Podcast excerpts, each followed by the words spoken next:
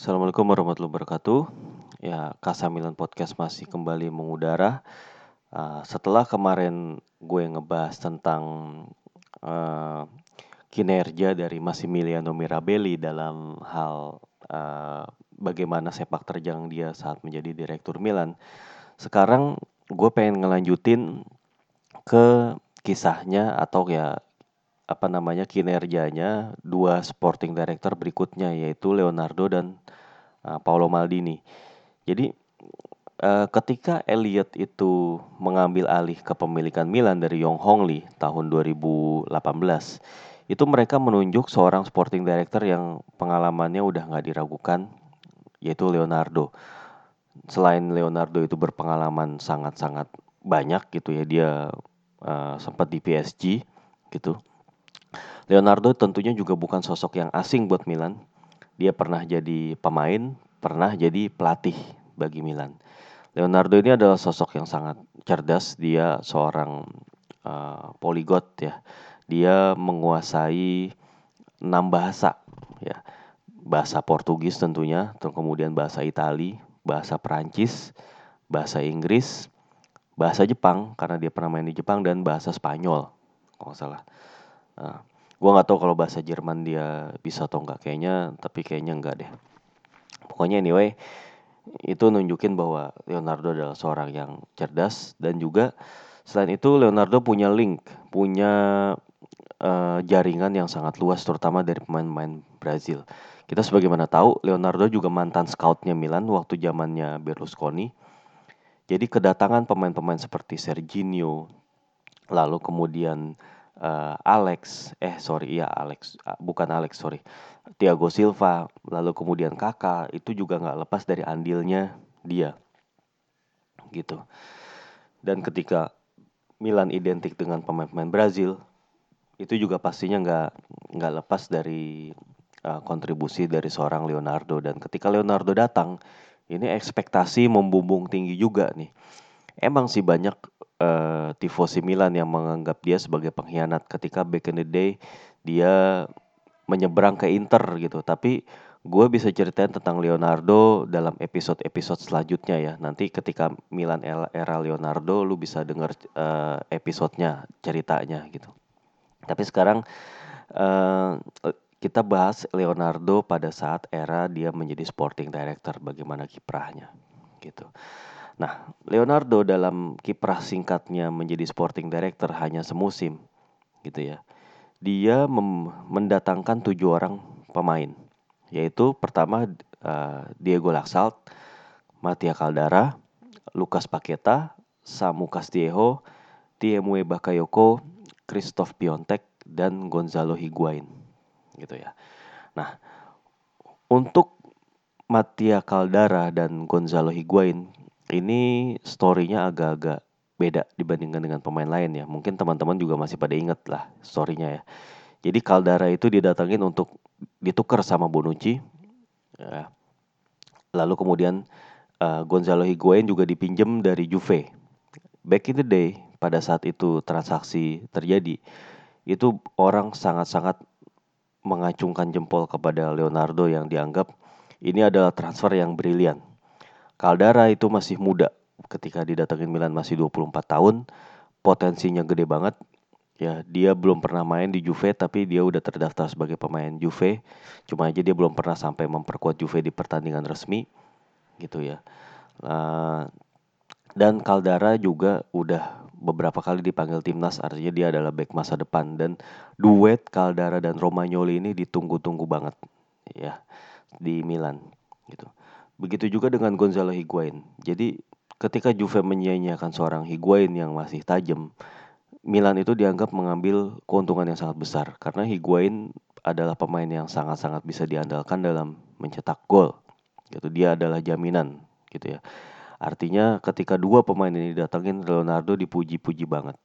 Dan emang pemain-pemain ini dianggap bisa memberi instant impact gitu ya.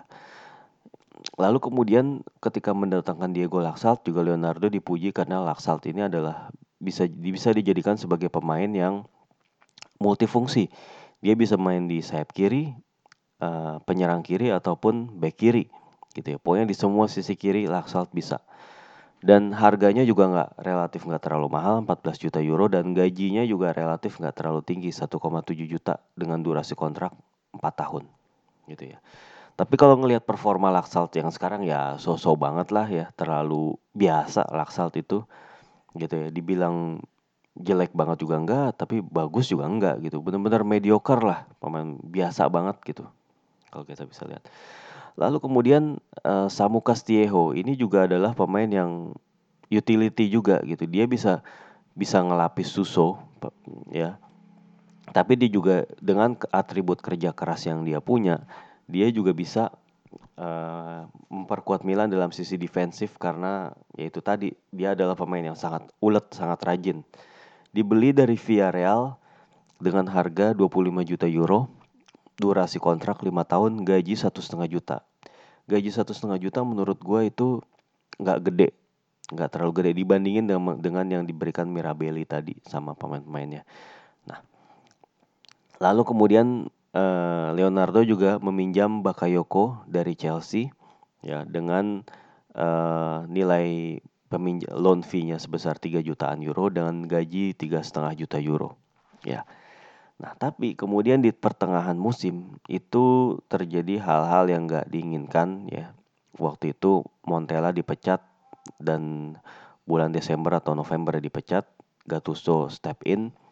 Gonzalo Higuain itu dianggap nggak memenuhi ekspektasi dan dia uh, terutama ya ketika dia ngadepin Juventus dia gagal mengeksekusi penalti dan kena kartu merah. Dan akhirnya dari situlah performa Higuain itu ngedrop padahal sempat bagus. Dari situ performa Higuain itu uh, ngedrop, kepercayaan dirinya itu sulit balik lagi.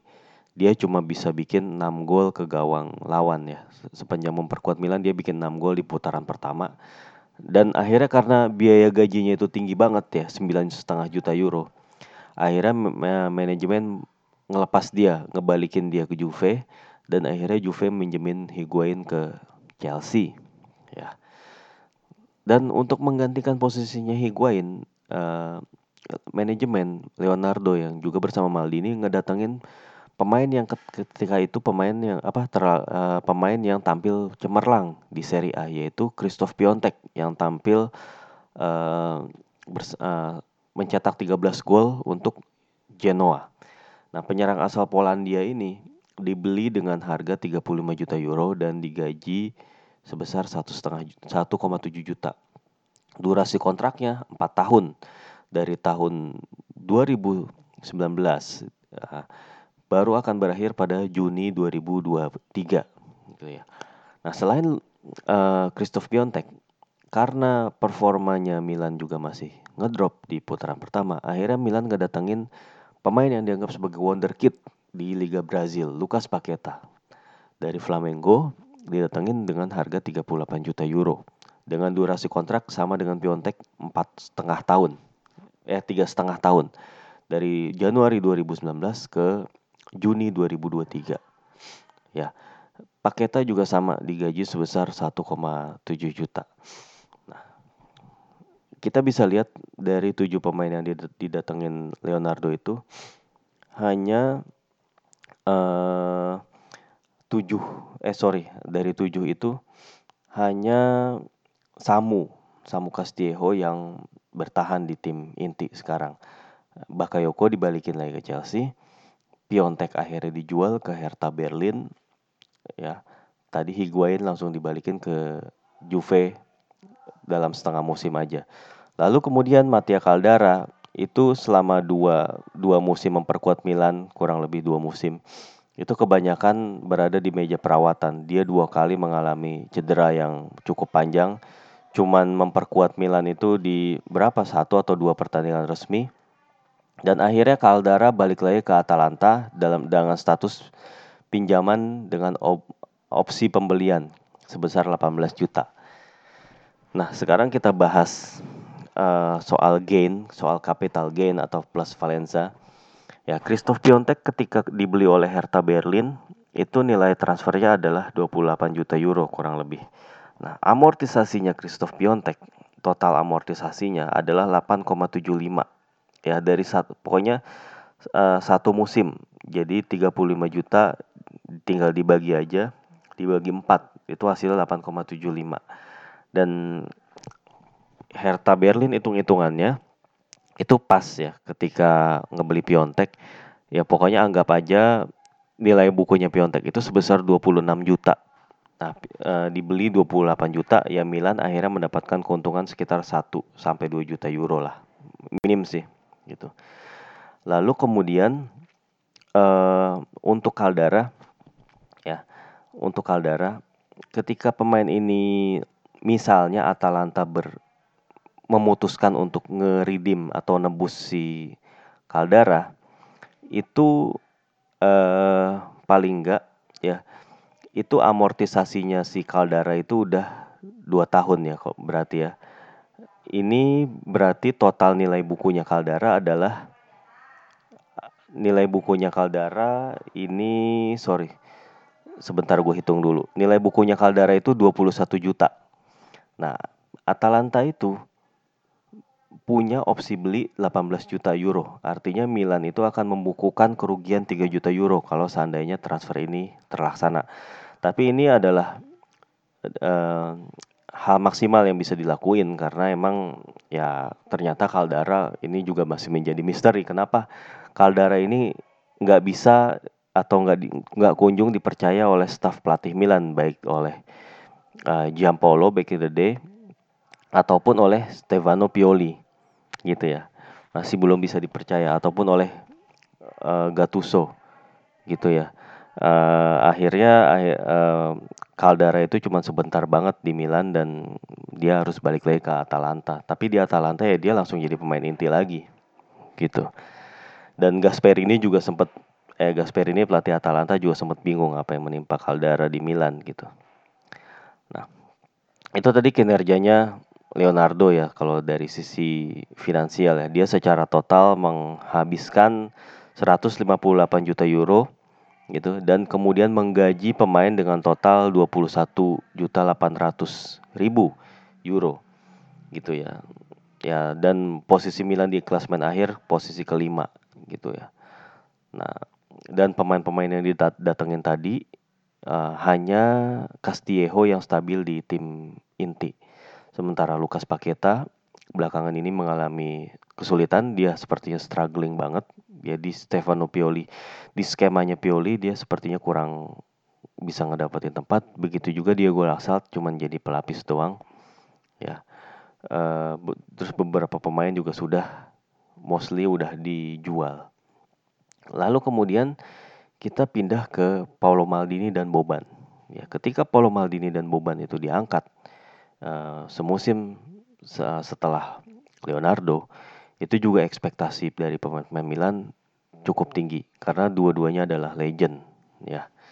Dan e, dibandingin sama Leonardo dan pendahulunya Mirabelli, Maldini dan Boban ini e, budget dalam transfernya itu sangat lebih jauh lebih modest, jauh lebih kecil gitu karena emang e, mereka datang setelah Elliot itu udah invest cukup banyak. Jadi artinya dia cuman mereka itu cuman dikasih budget transfer yang lebih kecil dibandingkan dengan pendahulu-pendahulunya dan akhirnya kita bisa lihat bahwa mereka itu banyak banget restriction, banyak banget eh, pemain-pemain yang akhirnya diveto ya oleh Gazidis melalui staffnya yaitu Hendrik Almstad gitu.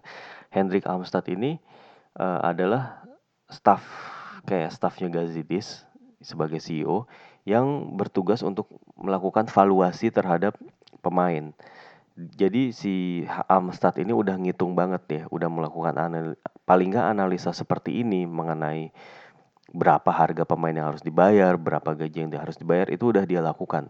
Jadi tapi termasuk Amstad ini dipercaya oleh Gazidis konon katanya ya itu merambah teknis juga gitu. Artinya Amstad juga di, diminta oleh Gazidis untuk ngebahas atau mempertimbangkan unsur teknis dari si pemain. Yang mana dalam hal ini gitu ya. Ini juga sedikit merambah ke wilayah kerjanya Boban dan Maldini. Inilah juga yang salah satu yang dipercaya oleh media uh, mengakibatkan konflik antara Boban dan Ivan Gazidis karena pemain-pemain yang udah disodorkan Boban itu kemudian di veto alias di digagalkan oleh Gazidis lewat Hendrik Armstad gitu.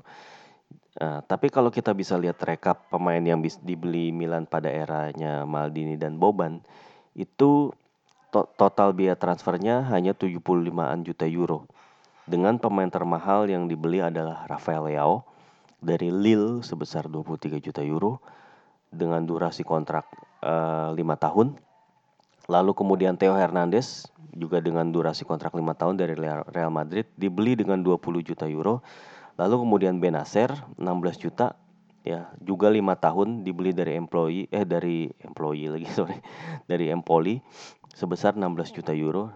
Dan dua pemain lagi nilainya cuman sebesar kurang lebih eh, apa namanya di bawah dua di bawah 10 juta yaitu Leon, Leo Duarte 8 juta dan Rade Krunic sebesar 6 juta. Ini tentunya pemain-pemain ini di bawah ini dibeli dengan harga yang sangat-sangat murah kalau gue bilang. Theo Hernandez kalau ngeliat performanya sekarang 20 juta euro itu murah. Ya. Ismail Benacer betapa krusialnya dia di lini tengah dibeli dengan hanya 16 juta euro. Ini murah, ini adalah sebuah bisa disebut sebagai master stroke dari Paolo Maldini gitu. Nah, yang masih belum terbukti itu Rafael Leao 23 juta euro. Uh, pemain masih muda ya tapi dia sempat dia sempat sih jadi pemain inti ketika awal-awal Zlatan Ibrahimovic itu datang tapi kemudian dia tergeser oleh Ante Rebic gitu. Nah, ini yang paling mesti bukti butuh pembuktian. Nah, kemudian uh, ada pemain-pemain lain juga yang didatangkan uh, Maldini dan Boban dengan skema loan atau skema uh, free transfer. Skema loan yaitu Begovic dibeli uh, dari Bournemouth uh, didatangkan dari Bournemouth. Gajinya 1,7 juta euro hanya didatangkan sampai musim uh, ini selesai gitu ya lalu kemudian sebentar. Kemudian adalah Simon Kjaer dipinjam dari uh, klub Sevilla ya. Tapi gajinya di sini dikabarkan gue baca di salah satu media sih gajinya 3 juta euro ya. Gue nggak tahu ya ini benar apa salah gitu. Lalu kemudian Alexis Selemaker itu seorang gelandang atau bek kanan yang didatangkan dari Anderlecht dengan sistem pinjaman juga gajinya dikabarkan 1,1 juta euro loan fee-nya sekitar 2,5 juta euro lalu kemudian Rebic tadi udah disebutin ini adalah uh, ditukar dengan Andre Silva uh, dipinjam selama dua musim dan masih belum ada hak untuk ngeridim gitu. Dan terakhir Zlatan. Zlatan ini dibeli uh, di, di uh, didatangkan free transfer setelah dia kontraknya selesai dengan LA Galaxy. Tapi uh, ini cuma sampai akhir musim 2020 dengan gaji tiga setengah juta euro sampai akhir musim ini. Nah, Maldini dan Boban ini kurang lebih menghabiskan biaya gaji uh, 19, 18 sampai 19 juta euro gitu ya. Lalu dan menghabiskan uang sebesar 75 juta euro. Dengan budget yang lebih modest seperti ini, Maldini dan Boban dianggap sangat efektif sebenarnya.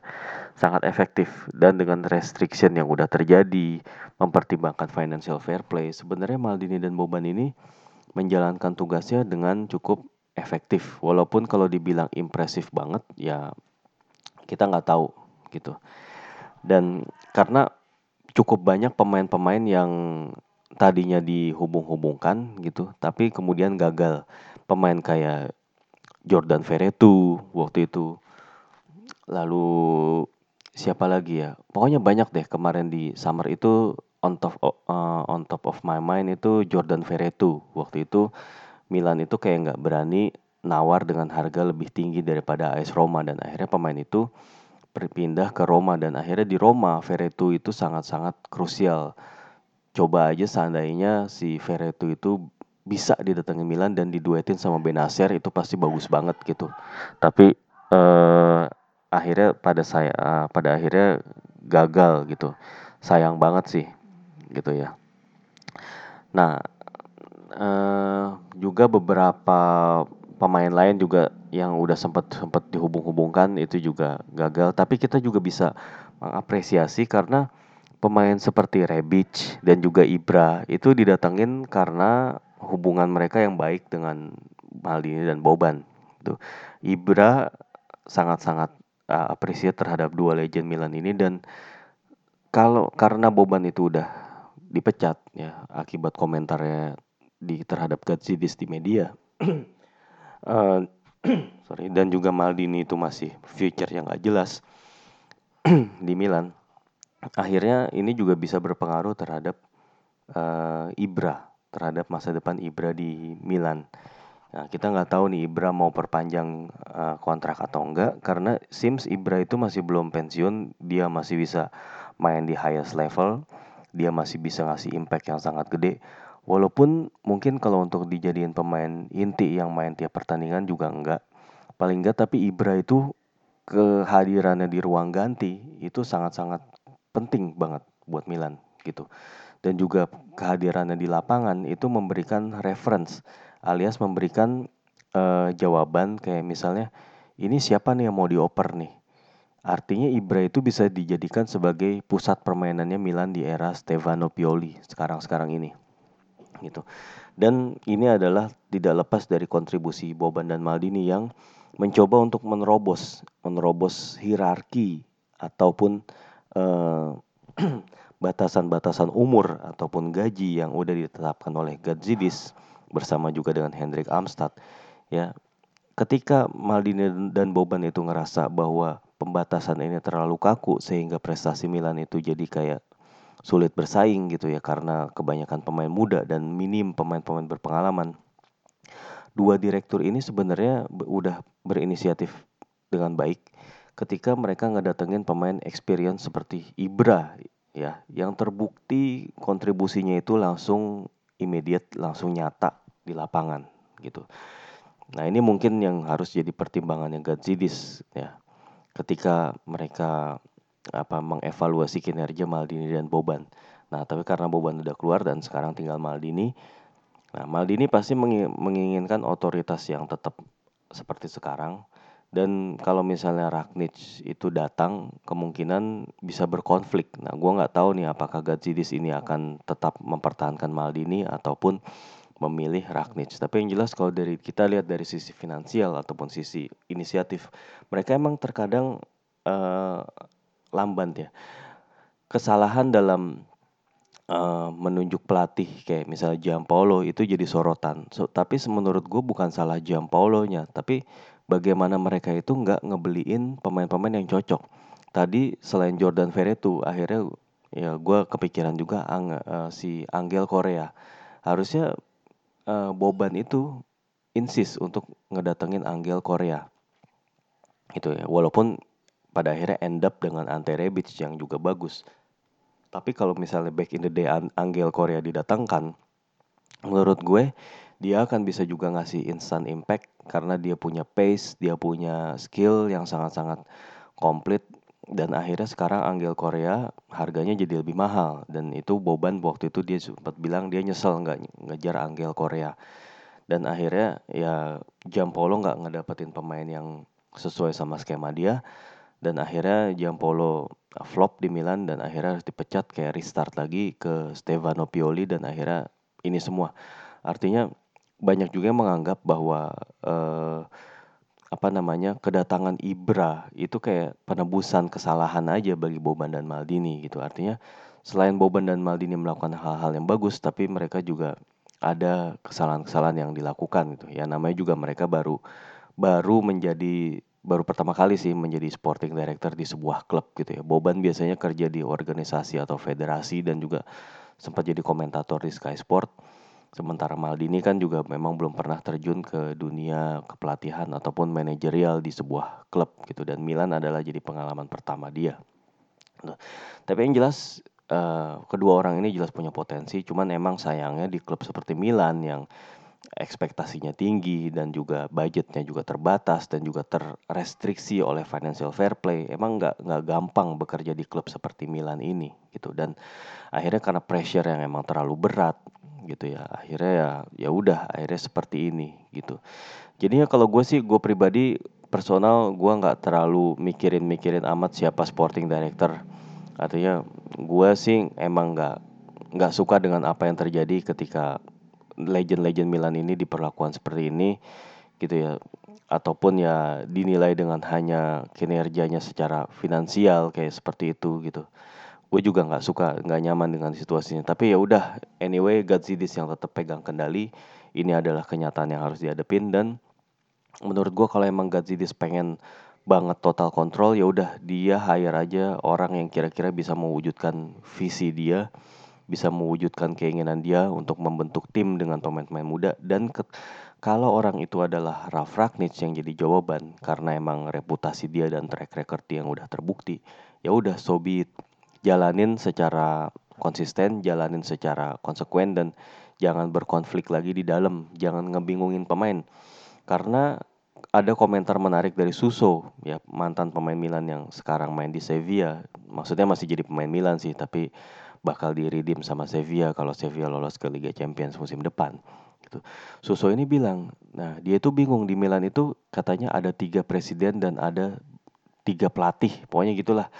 Itu menggambarkan bahwa kondisi manajemen Milan itu terlalu banyak komando, terlalu banyak uh, perintah, terlalu banyak orang-orang yang in charge dalam satu uh, tugas gitu. Itu akhirnya jadi kayak bikin ibaratnya perahu nih terlalu banyak yang megang setir gitu. Jadi ada yang pengen belok kiri, ada yang pengen belok kanan, ada yang pengen stay on track. Itu akhirnya bikin kapal jadi goyang. Kapal goyang kapten, tapi nggak jelas kaptennya itu siapa. Nah itulah yang kira-kira terjadi ke di Milan dan untuk ngebedahin semua ini menurut gue ya udahlah orangnya orang-orang yang dijadiin pilihan itu adalah udah pilihan Gazidis saja serahin ke dia nanti dia akan take the blame, take the take the credit, take the blame, semualah diambil gitu. Toh emang dia yang dipercaya oleh Elliot sebagai owner gitu.